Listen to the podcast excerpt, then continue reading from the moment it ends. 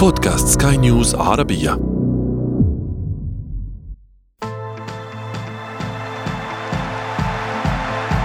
أثير الكرة.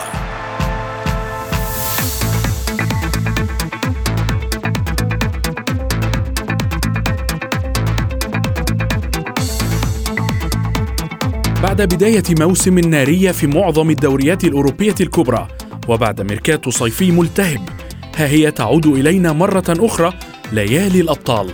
عودة ستتأثر بالتأكيد بالانتدابات الجديدة للأندية وسينتظر من الأندية الكبيرة الكثير لتقديمه وتعويض بعض من خيبات حمى البدايات في الدوريات المحلية. واليوم في أثير الكرة نناقش ونحلل أولى جولات دوري أبطال أوروبا لموسم 2022-2023 معي أنا محمد عبد السلام ولكن دعونا أولا. نبدأ من العناوين. تشامبيونز ليج بطعم الميركاتو الحار والكبار يتصادمون في المجموعات. أندية كبيرة تخشى استمرار حمى بداياتها محليا. إلى المعترك القاري. وفي فكرة وفي فقرة ما لا تعرفونه عن كرة القدم نكشف لكم كيف وضعت 52 رحلة جوية ليونيل ميسي في ورطة أثير الكرة.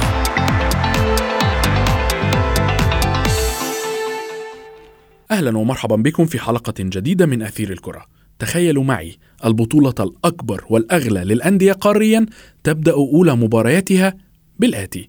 إشبيليا ضد مانشستر سيتي باريس سان جيرمان ضد يوفنتوس نابولي ضد ليفربول إنتر ميلان ضد بايرن ميونخ. بالتأكيد هناك مباريات أخرى ستكون قوية. فدوري أبطال أوروبا غالبية مبارياته قوية لكن مجرد التفكير في هذه المواجهات والتي تعتبر افتتاحية للبطولة يجعلنا نجد صعوبة في التفكير حتى فيما سيحدث في الأدوار القادمة.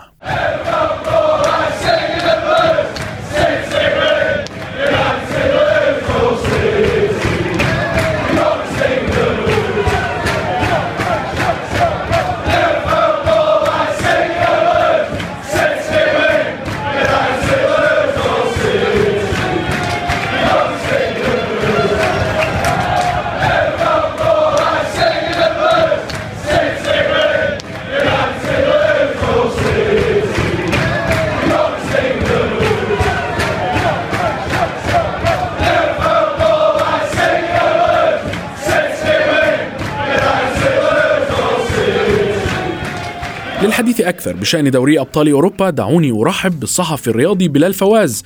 بلال مرحبا بك. في رأيك ما الذي سيختلف هذا الموسم من دوري الأبطال عن, المو... عن المواسم السابقة؟ لا شك محمد بداية برحب فيكم كل المستمعين. لا شك أنه ما حدث في نهاية هذا الصيف من امتدادات كبيرة والأهداف الكبيرة التي وضعتها بعض الأندية بالحصول على دوري الأبطال هذه نقطة كانت نقطة أساس المنافسة الكبيرة ما بين الفرق حول دوري الأبطال.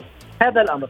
أمر آخر القرعة التي أوقعت الفرق الكبيرة في مجموعات واحدة هي الحدث الكبير والحدث الذي يتحدث عنه الجميع تحديدا في حول الاتحاد الأوروبي وأدائه.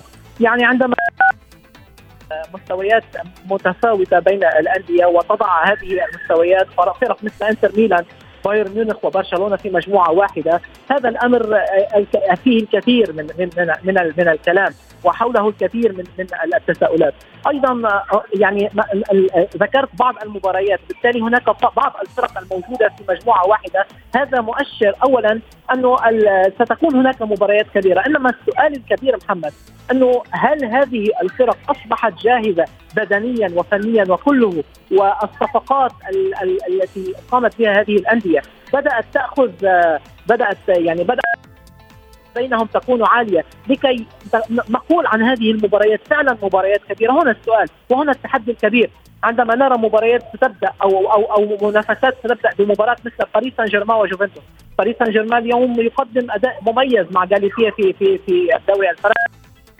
هل باريس سان جيرمان سيكون قادر على هذا مواصلة هذا التقديم في أوروبا ونحن نعرف فرق ما بين مستوى الدوري الفرنسي ومستوى أوروبا. بالمقابل جوفنتوس جوفنتوس الذي يبدأ مع أليجري يبدأ متذبذب في الدوري الإيطالي، نعرف في الموسم الماضي لم يستطع الحفاظ على اللقب. بالمقابل قام بعديد من الصفقات. إنما المباريات التي التي لعبها إلى الآن في الدوري الإيطالي تقول أن جوفنتوس وأليجري تحديدا هم في مأزق. سي سيعاني سيعاني في في في دوري أبطال أوروبا. بالضبط. والحديث أنه في حال لم يحقق نتيجة جيدة الضغوط ستكون كبيرة على أليجري لأنه لأن الإدارة قامت بما بما طلبه من من من انتدابات. فهنا هنا السؤال.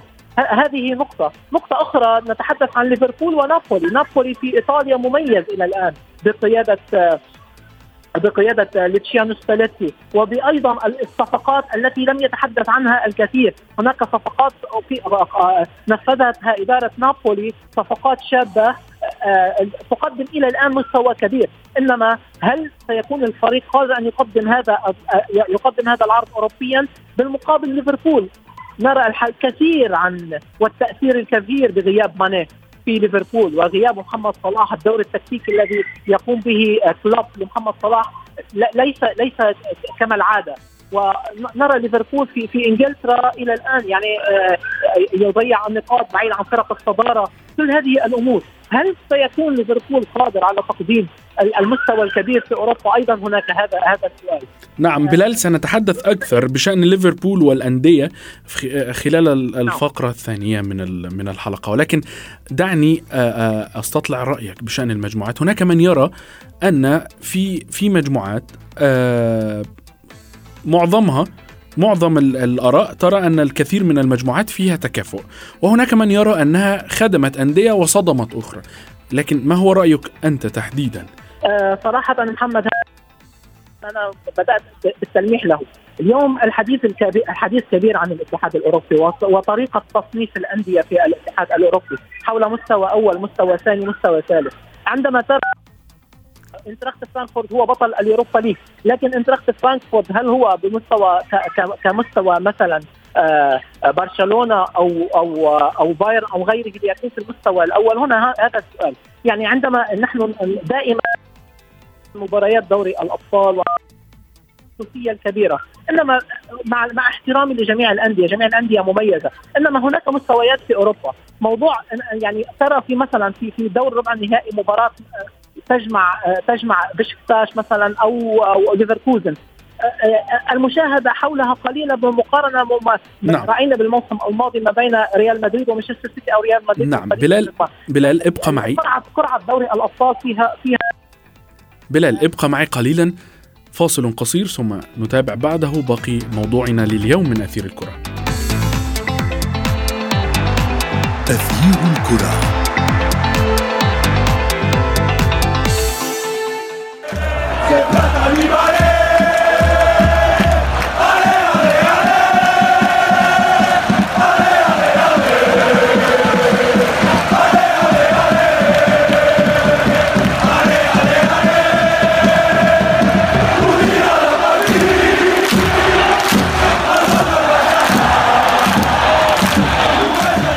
مباريات دوري المجموعات لبطولة دوري أبطال أوروبا دائما ما تتسم بالقوة والندية.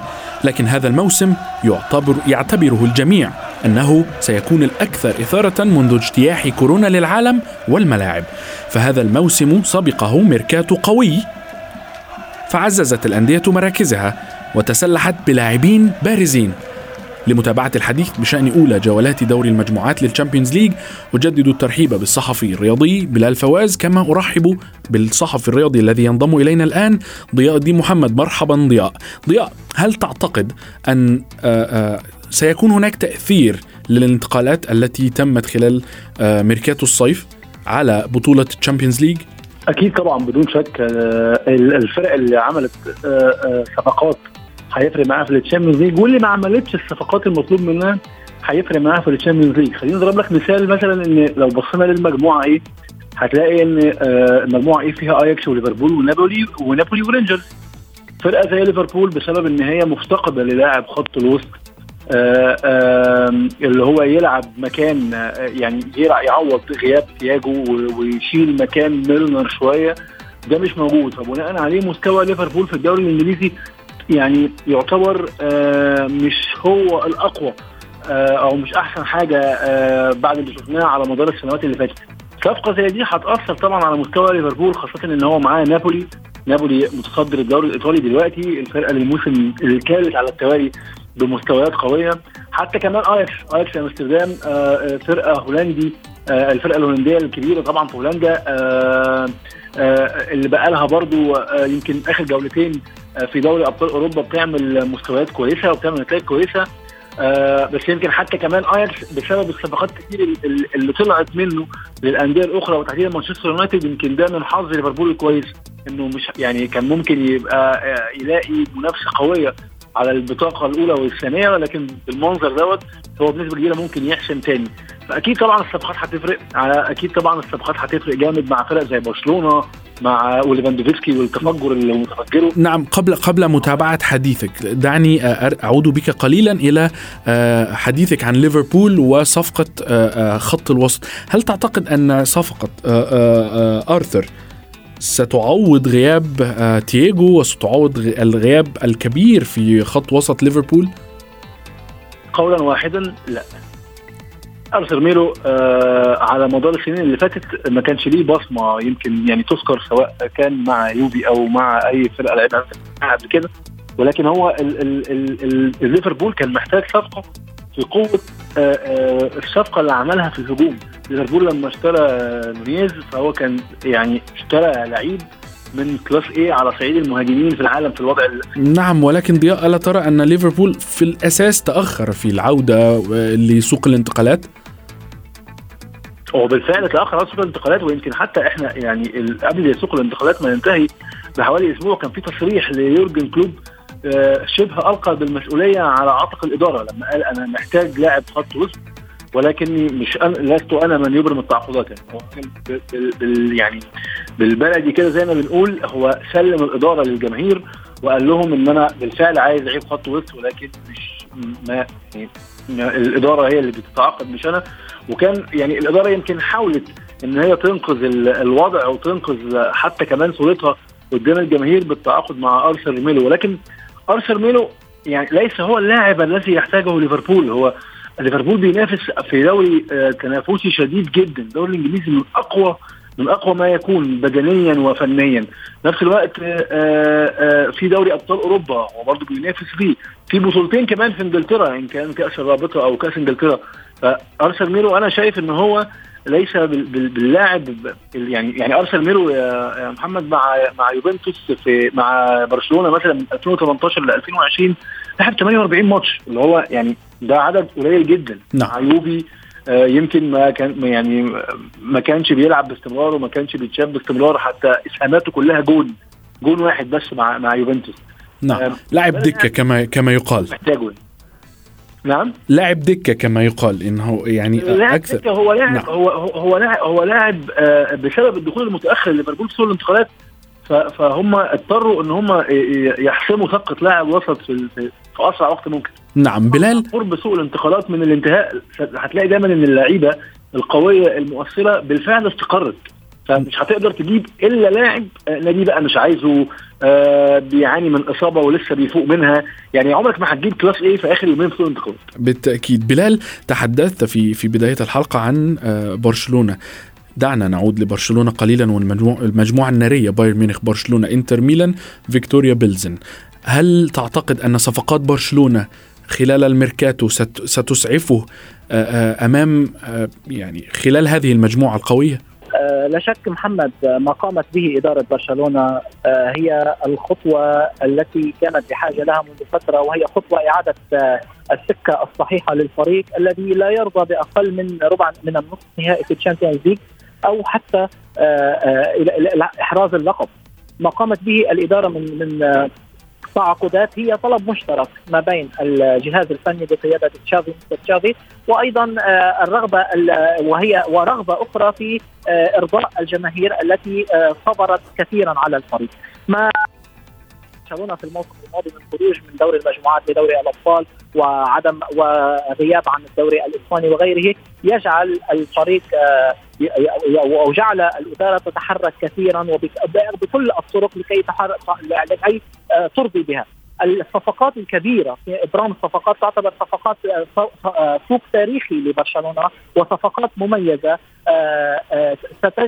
سترجع هذا الفريق إلى المنافسة. ولا شك أن المباريات الأخيرة التي شاهدناها لبرشلونة في الدوري هي بداية العودة للفريق والتنوع الخططي، التنوع التكتيكي، الوفرة في الدكة، الوفرة في اللاعبين، تغيير المراكز، تغيير الخطة، خطة تكتيكية خلال المباراة، يعني كان تشافي تشافي يلعب في خطة آه، وخلال المباراة من خلال تبديل أو تبديلين يستطيع أن يغير الخطة إلى خطة أخرى، بالتالي هذه الوفرة الكبيرة للفريق آه، آه، ستجعلنا نقول أن برشلونة على الطريق الصحيح وبرشلونة عاد للمنافسة. طبعا بحاجة لبعض الوقت لكي يزيد عمليه تزيد عملية التاقلم وعملية آه، نعم ولكن هذا الطريق الصحيح عفوا بلال ولكن هذا الطريق الصحيح أتعتقد أنه ألا تعتقد أنه سيصطدم ببايرن ميونخ وإنتر ميلان؟ لا شك أن المجموعة قوية والمجموعة فيها تنافسية كبيرة اصطدام كبير. كما ذكرت لك ثلاثة من من فرق النخبة في إيطاليا في أوروبا عفوا. انتر ميلان على الرغم من البداية البطيئة في الدوري إنما غياب الدكة لديه وغياب التنوع الخططي عند المستر إنزاجي يجعل من هناك صعوبة في أن يكون انتر ميلان في لحاق لحاق انتر ميلان في المنافسة ما بين بايرن وبرشلونة. الأرجح سيكون المنافسة على الصدارة ما بين برشلونة وبايرن ميونخ وهذا وهذا واضح يعني. المنافسة كبيرة. طبعا فيكتوريا بلزن مع احترامنا لهذا الفريق إنما المستوى الذي فيه هذا الفريق آه، مختلف عن المستوى الموجودة في الفرق الثلاثة الأخرى. آه، ستكون هناك تنافسية نعم وقد يكون هناك آه، ستكون هناك ممكن يكون هناك كثير من المفاجات إنما الصواب أكثر والمنطقي أكثر. يقول أن المنافسة ستكون آه، بين برشلونة وبايرن ميونخ على بطاقات التأهل للدور الثاني في دوري العالم. نعم استبعدت إنتر ميلان. دعنا نقول أنه استبعاد منطقي نظرا لأن إنتر ميلان لم لم يكن لم يكن بهذه القوة خلال سوق الانتقالات ولم يدعم آه، الفريق. الإدارة لم لم تقدم الدعم بل أنها تبحث عن الاستغناء عن لاعبين ضياء دعني أنتقل بك إلى مانشستر سيتي والحلم الذي يتمناه جوارديولا بتحقيق هذه البطولة الغائبة عنه منذ سنوات. سيتي جوارديولا ماذا سيفعل في مجموعة لا أعتقد أنها بالسهلة؟ إشبيليا بروسيا دورتموند كوبنهاجن. يعني هقول لك إيه آه 18 نقطة. يعني هي ما يعني هو هيلعب ست ماتشات 3 في 6 ب 18 هو هياخد ال 18 نقطة لأن طبعا زي ما أنت قلت يمكن ما فيش منافس آه آه آه، قوي في المجموعة يقدر إن هو يعني يقف في وش مانشستر سيتي خاصة إن مانشستر سيتي لقى القطعة المفقودة في النظام اللي كان عاوز آه، جوارديولا آه، ينشئه. السنة اللي فاتت كانت الناس كلها ويمكن كل المتابعين حتى المشجعين والمحللين والصحفيين كان العالم كله مدرك إن أزمة مانشستر سيتي في المهاجم الصريح. جابريل جيسوس ما كانش قادر إن هو يعمل ال ال يشيل خط الهجوم أو يلعب هذا الدور مع الفريق. وفي نفس الوقت كمان كان دايما بيتحط في مقارنات مع كون اجويلو طبعا كونه يعني أعظم مهاجم جه في تاريخ مانشستر سيتي. حاليا هم معاهم طبعا الرجل المدمر إيرلينج هالاند 10 أهداف في ست مباريات في الدوري في الدوري الإنجليزي. آه لعيب يجيد التسديد يجيد اللياقه بدنية عالية قوة مهولة. آه يجيد حتى التمرير يمكن يعيبه فقط إن هو ال footwork أو أو المهارات الفردية. آه مش أحسن حاجة بس هو مش محتاجها يعني. هو كده كده هالاند مش محتاج. فمع وجود آه الفاريز مع آه مع يمكن آه آه خط الوسط الدكه بقت قوية جدا. أنت وصلت لمرحلة إن مانشستر سيتي كسبان 5-0 وبينزل دي بروين. يعني دي بروين اللي هو بيشيل فريق لوحده بقى بينزل في ماتش الفرقة كسبانة فيه 5-0 فالسنة دي أنا شايف إن مانشستر سيتي آه هو الأقرب للتتويج بالبطولة وطبعا هيعدي طبعا من دور المجموعات. ولكن في الأدوار المقبلة لما يلاعب فرق آآ آآ على مستوى عالي شوية سيتي زي الفرق ال class A إن كان ريال مدريد أو برشلونة أو بايرن ميونخ مشكلة مانشستر سيتي إن دفاعه مش أفضل حاجة. عفوا ضياء ولكن أرى أنك تتفق مع ضياء مع بلال في أن بايرن ميونخ وبرشلونة هم الأقرب إلى التأهل من من المجموعة C. بدون شك بدون شك إنتر ميلان زي ما زميلي بلال يمكن قال هو يعني لم يبرم صفقات قوية يعني لم يعني حتى كمان بانت جدا في ماتش الديربي في ديربي ميلانو اللي فات يعني AC ميلان سيطر على المباراة بالطول وبالعرض يعني بغض النظر عن الهدفين اللي هم يمكن جم يعني من أخطاء بس فردية للمدافعين في في ميلان. ولكن واضح واضح إن الفرقة ليست يعني ليست انتر بتاع الموسم اللي فات حتى. انتر الموسم اللي فات كان كان يعني كانت لا كان الفريق نوعا ما مرعب. كان الفريق نوعا ما بينافس. كان الفريق نوعا ما آه عنده آه يعني squad كان متقله. ولكن انت دلوقتي بتتكلم في فريق آه هو حاليا من المركز الثامن في الدوري الإيطالي من خمس مباريات. هذا ليس انتر يعني مش ده مش مش ده انتر اللي كان الموسم اللي فات قعد لحد الجولة الأخيرة هو وإيه سي ميلان ده يتصدر شوية وده يتصدر شوية. بدون شك برشلونة طبعا هو الأقرب خاصة إنه عمل تدعيمات قوية مقارنة بالتدعيمات اللي عملها إنتر. أرجع برضو أقول لك تاني على مانشستر سيتي يمكن مانشستر سيتي هتبقى مشكلته بس لما في الأدوار ممكن الاقصائيه نعم. لأن لأن دفاع دفاع ميلا دفاع سيتي آسف ليس بنفس قوة خط هجومه. يمكن حتى لحد دلوقتي جوارديولا مش قادر يستقر على توليفة ثابتة زي ما استقر عليها في الهجوم. آه خلاص طبعا سوق الانتقالات انتهى آه فمش هيقدر إن هو يضم مدافع ومفيش مدافع أظن يعني آه درجة يعني أولى نعم. آه أو class A زي ما بيقال يعني هيجي الفرقة. آه ولكن يظل مانشستر سيتي من أقوى الفرق آه المرشحة ومن أكبر الفرق المرشحة للتأهل للورود من دور المجموعات والفوز بالبطولة. بالتأكيد الحديث لم لم ولن ينتهي عن هذا الموسم من دوري الأبطال. شكرا جزيلا لكما الصحفيين الرياضيين بلال فواز وضياء الدين محمد.